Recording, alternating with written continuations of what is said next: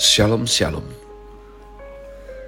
Selamat Hari Sumpah Pemuda yakni Jumat 28 Oktober 2022 Umat Tuhan saya selalu rindu untuk kita mempunyai nasionalisme yang benar ya. Sehingga tidak melupakan hari-hari seperti 17 Agustus 28 Oktober Hari Sumpah Pemuda dan 10 November Hari Pahlawan karena bangsa yang besar adalah bangsa yang menghormati para pahlawannya. Masih bersama saya Pendeta Caleb Hofer Bintor dalam anugerahnya. Penuh suka kita sampaikan pesan Tuhan melalui Grace Words, yakni suatu program renungan harian yang disusun dengan disiplin kami doakan dengan setia. Supaya makin dalam kita beroleh pengertian mengenai iman, pengharapan, dan kasih yang terkandung dalam Kristus Yesus. Sungguh besar kerinduan saya bagi saudara sekalian. Agar supaya kasih dan kuasa firman Tuhan setiap hari tidak pernah berhenti menjamah hati, menggarap pola pikir, dan paling utama hidup kita boleh sungguh berubah menuju Christ likeness. Masih dalam season winter dengan tema bulan ini, Glorify the King through me. Chris Word Chris Word hari ini sudah membuka lembaran baru setelah menyelesaikan Yunus, yakni kitab Mika. Maka kita akan membaca Mika Fatsal yang pertama. Adapun program ini juga di broadcast melalui channel GBI Rock Fluid dengan tajuk podcast with Jesus. Mari bergegas umat Tuhan, kita menuju Mika Fatsal yang pertama. Firman Tuhan yang datang kepada Mika, orang Moresyat, pada zaman Yotam, Ahas, dan Hiskia, raja-raja Yehuda. Yakni berkenaan dengan yang dilihatnya tentang Samaria dan Yerusalem. Ayat yang kedua pemberitahuan hukuman atas Samaria Dengarlah hai bangsa-bangsa sekalian, perhatikanlah, hai bumi serta isinya. Biarlah Tuhan Allah menjadi saksi terhadap kamu, yakni Tuhan dari baitnya yang kudus. Sebab sesungguhnya Tuhan keluar dari tempatnya dan turun berjejak di atas bukit-bukit bumi. Luluhlah gunung-gunung di bawah kakinya, dan lembah-lembah terbelah seperti lilin di depan api seperti air tercurah di penurunan. Semuanya ini terjadi karena pelanggaran Yakub dan karena dosa kaum Israel. Pelanggaran Yakub itu apa? Bukankah itu Samaria? Dosa kaum Yehuda itu apa? Bukankah itu Yerusalem?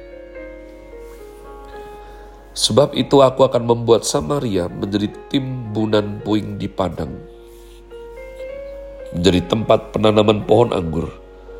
Aku akan menggulingkan batu-batunya ke dalam lembah dan akan menyingkapkan dasar-dasarnya. Segala patungnya akan diremukkan, segala upah sundalnya akan dibakar, dan segala berhalanya akan kuhancurkan Sebab dari upah sundal dikumpulkan semuanya itu dan akan kembali menjadi upah sundal. Ayat yang ke-8 Nabi meratapi nasib Yehuda dan Yerusalem. Karena inilah aku hendak berkeluh kesah dan meratap, hendak berjalan dengan tidak berkasut dan telanjang, hendak melolong seperti serigala dan meraung seperti burung unta sebab lukanya tidak dapat sembuh, sudah menjalar ke Yehuda, sudah sampai ke pintu gerbang bangsaku ke Yerusalem. Di Gad, janganlah sampaikan berita, janganlah sekali-kali menangis. Baiklah gulingkan dirimu dalam debu di Betle Avra. Berkemaslah, hai penduduk Safir, dengan telanjang dan malu. Tidak berani keluar penduduk Zaanan ratapan Bet Haezel menghalangi engkau untuk tetap berdiri. Dengan bimbang penduduk Marot berharap akan kebaikan. Sebab malapetaka Tuhan sebab malapetaka turun daripada Tuhan sampai ke pintu gerbang Yerusalem. Pasanglah kuda teji pada kereta, hai penduduk Lakis. Inilah permulaan dosa bagi putri Sion, sebab pada mula terhadap terdapat pelanggaran Israel. Sebab itu baiklah diberi hadiah perpisahan kepada Mursyid Gad. Rumah-rumah Akzib akan menjadi tipu daya bagi raja-raja Israel. Penahluk masih akan kudatangkan kepadamu, hai penduduk Maresya. Kemuliaan Israel akan sampai di Adulam. Cukurlah dan gundulkanlah kepalamu, karena anak-anak kesayanganmu. Jadikanlah kepalamu gundul, seperti gundulnya burung bangkai, sebab daripadamu mereka akan masuk pembuangan. Umat Tuhan, Nabi Mika dari kota kecil Moreshet Gad, ya, itu selatan Yehuda, suatu wilayah pertanian yang subur, sekitar 40 km barat daya Yerusalem. Sebagaimana Amos, Mika berasal dari daerah pedesaan. Mungkin kemungkinan besar dari keluarga yang sederhana. Sedangkan Nabi Yesaya rekannya di Yerusalem bernubuat kepada raja dan tentang situasi internasional. Mika adalah nabi pedesaan yang dipakai Tuhan mengutuk para pemimpin Yehuda yang korupsi, nabi-nabi palsu, imam-imam fasik, pedagang-pedagang yang tidak jujur dan hakim-hakim yang doyan suap ia berkhotbah menentang dosa-dosa ketidakadilan, penindasan para petani dan penduduk desa, keserakahan, kekikiran, kebejatan, dan penyembahan berhala. Beliau mengingatkan akan dampak yang berat jika suatu umat itu pemimpinnya terus-menerus menerus melakukan kejahatan. Ia meramalkan kejatuhan Israel dan ibu kotanya Samaria dan juga kejatuhan Yehuda dan ibu kotanya Yerusalem. Tuhan memanggil Mika untuk memperingatkan bangsanya atas hukuman ilahi yang pasti. Meskipun sekarang bikin salah, kurang ajar, masih bikin berhala, seolah-olah didiamkan, bukan berarti sampai selama-lamanya didiamkan.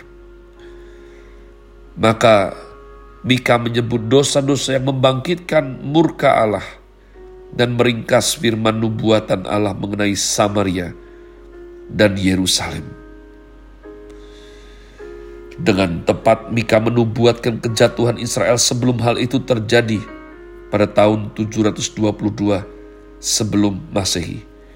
Ia bernubuat bahwa kebinasaan yang serupa akan menimpa Yehuda dan Yerusalem karena dosa dan pemberontakan mereka yang menyolok sekali.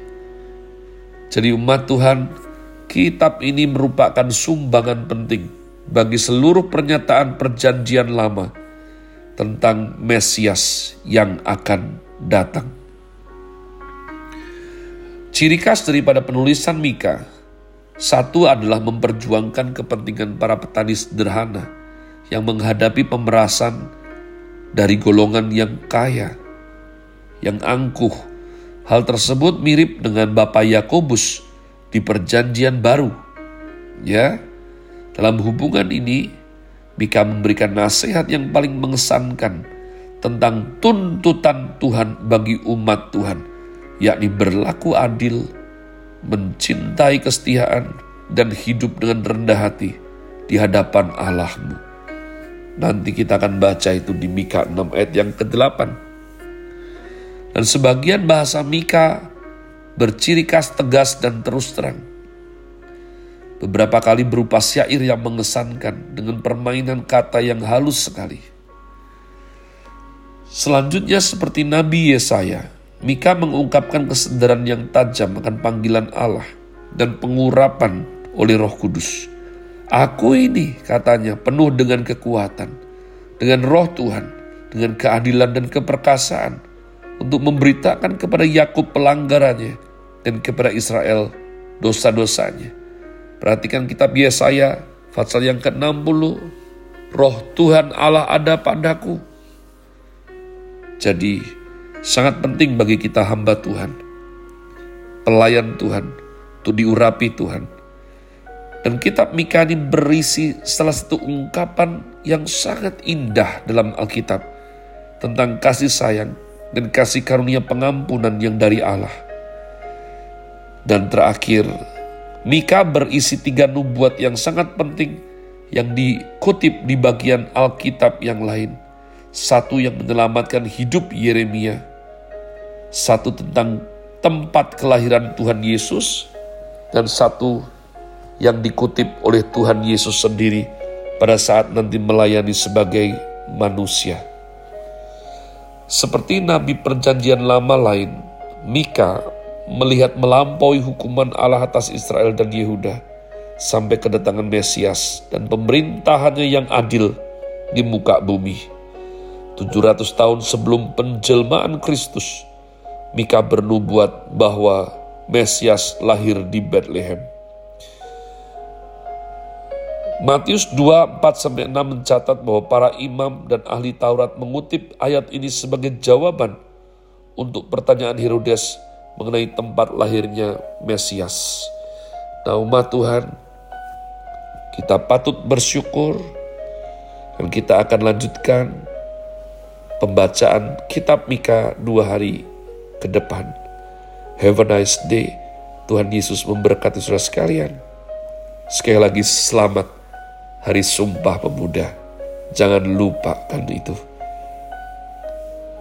Sola Grazia.